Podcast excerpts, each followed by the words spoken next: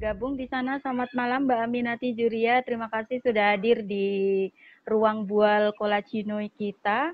Pertanyaannya adalah, pertanyaan saya Mbak Nia, bagaimana kita bisa mengacu satu buku KBBI terbaru yang terus ada perubahannya setiap tahunnya. Sementara kita punya buku hmm. keluaran tahun yang sebelumnya diperbaharui. Apakah mm, ya. sebentar diperbarui? Apakah sastra? Mm. Lalu selanjutnya pertanyaannya, apakah sastra untuk penulis pemula seperti saya sering bingung mengacu kepada KBBI terbaru dan akhirnya buku lama tidak terpakai. Akhirnya KBBI Google yang banyak dipakai. Nah, begitu Mbak Nia. Ya, Uh, Kamus Besar Bahasa Indonesia terbitan Pusat Bahasa Kementerian Pendidikan dan Kebudayaan itu terakhir dicetak uh, edisi ke keempat. Aduh, saya masih harus ke sana ya ambil bukunya. Saya tadi lupa harus yang taruh di sini. Udah, apa -apa. Edisi keempat.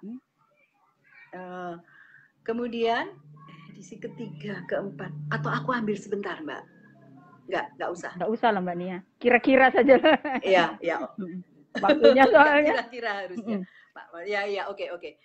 Uh, mbak siapa tadi? Mbak, mbak Aminati Juri ya? Uh, mbak Aminati. Jadi uh, apa yang dilihat uh, mungkin melihat kosakata di dalam kamus ya uh, untuk uh, apa untuk menuliskan apa sebuah puisi dia harus melihat lagi yang tadi saya katakan dia harus memahami uh, untuk mendapatkan mempermudah itu itu ambil di ini yang daring daring.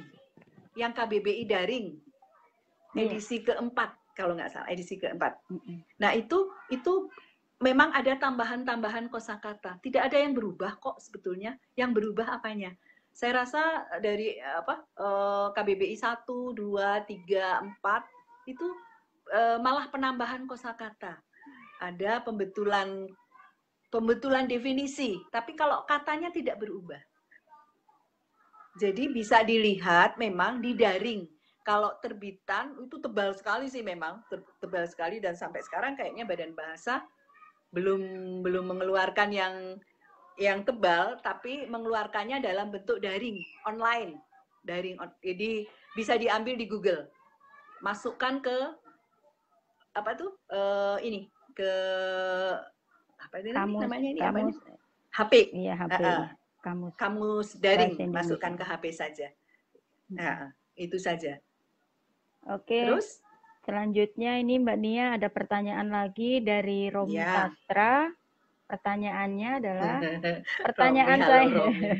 Selamat malam Romi, terima kasih sudah setia hadir di ruang bual Kolacino GSM. Pertanyaannya adalah pertanyaan ya. saya Mbak Nia, bagaimana bentuk kepadatan ya. suatu isi puisi itu ya? Jadi dia menanyakan tentang bagaimana sih uh, membuat puisi yang padat itu uh, gitu mungkin ya. Ya, seperti itu. Oh, iya iya. Romi ngetes nih, Romi ngetes. Sebetulnya Romi Romi sudah paham. Oke. Okay. Uh, eh, yang penting begini, menulis puisi itu apa sih yang ingin disampaikan ya bagi saya ya? Apa sih yang ingin disampaikan uh, di dalam uh, sebuah puisi? Uh, intinya itu nanti akan tertangkap ketika kata-kata uh, yang digunakan itu terpilih, ya, terpilih dengan tepat, uh, lalu dia uh, menggunakan rima agar apa uh, te, yang tertata. Lalu tidak tidak seperti menulis cerpen. Mendeskripsikan semua yang ingin dia apa dia ungkapkan. Jadi kalau puisi itu lebih padat kata-katanya terpilih saya juga kalau menulis juga belum bisa mungkin uh, tidak sebagus punya Romi Sastra. Saya rasa Romi tahu bagaimana sebuah puisi yang padat itu yang penting dalam sebuah puisi itu tertangkap apa yang ingin dikemukakan oleh penulisnya. Misalnya uh, bercerita tentang ibu. Tidak perlu kata ibu itu, misalnya loh bagi saya ya, ibu itu berulang-ulang di apa dituliskan di, di dalam uh, puisi itu. Sekali uh, disebutkan, lalu yang lainnya deskrip apa uh, menggambarkan sosok ibu yang apa dia ingin uh, ungkapkan uh, di dalam larik-larik kata-kata yang berikutnya. Nah itu nanti akan apa uh, tertangkap oleh pembaca. Kemudian tentang rindu. Nah ini kemarin saya melihat beberapa puisi tentang rindu. Setiap larik itu ada kata rindu, rindu, rindu, rindu, rindu. Kalau saya, kalau saya menulis, uh, mungkin mungkin yang membacakan nanti yang ini ya. Uh, dalam satu para, dalam satu bait hindari eh, kata itu berulang. Kecuali repetisi ya untuk kepentingan repetisi perulangan ya. Hmm. itu memang bagus. Misalnya uh, itu indah indah indah indah.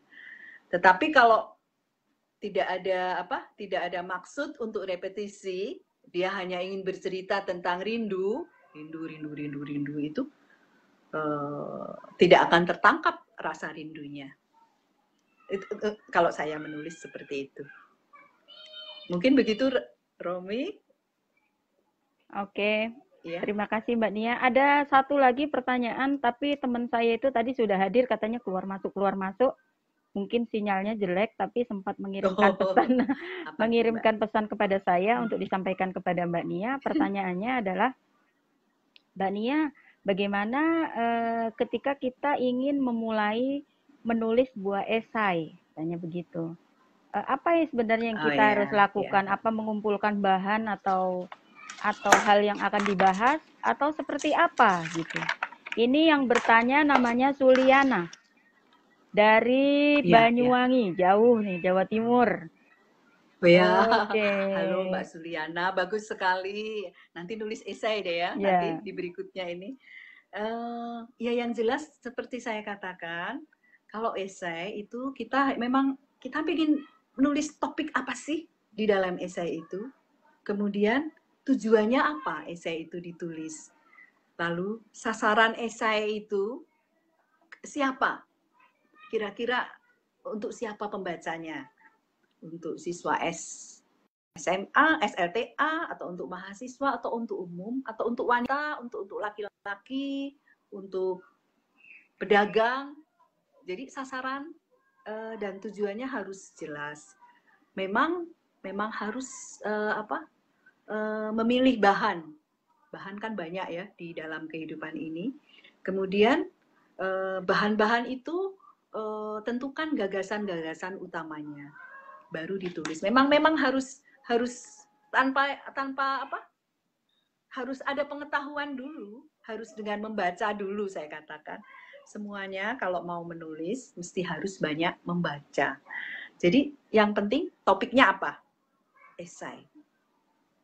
Eh, Mbak Mbak Risa kan pernah menulis esai itu ya, yeah. yang esai dalam bentuk puisi, apalagi lebih sulit kan? Iya yeah, betul. Lebih harus yang benar-benar apa?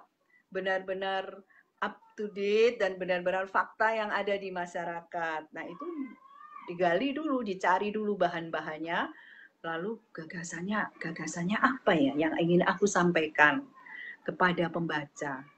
Eh, jadi topiknya harus jelas dulu, dipilih topiknya saya ingin bercerita tentang COVID misalnya ya, COVID-19. Atau bercerita tentang uh, obatnya atau bercerita tentang bagaimana cara penyembuhannya. Itu kan satu satu masalah COVID, tapi kita bisa topiknya berbeda-beda. Iya, Jadi memang harus menentukan topik. Ya.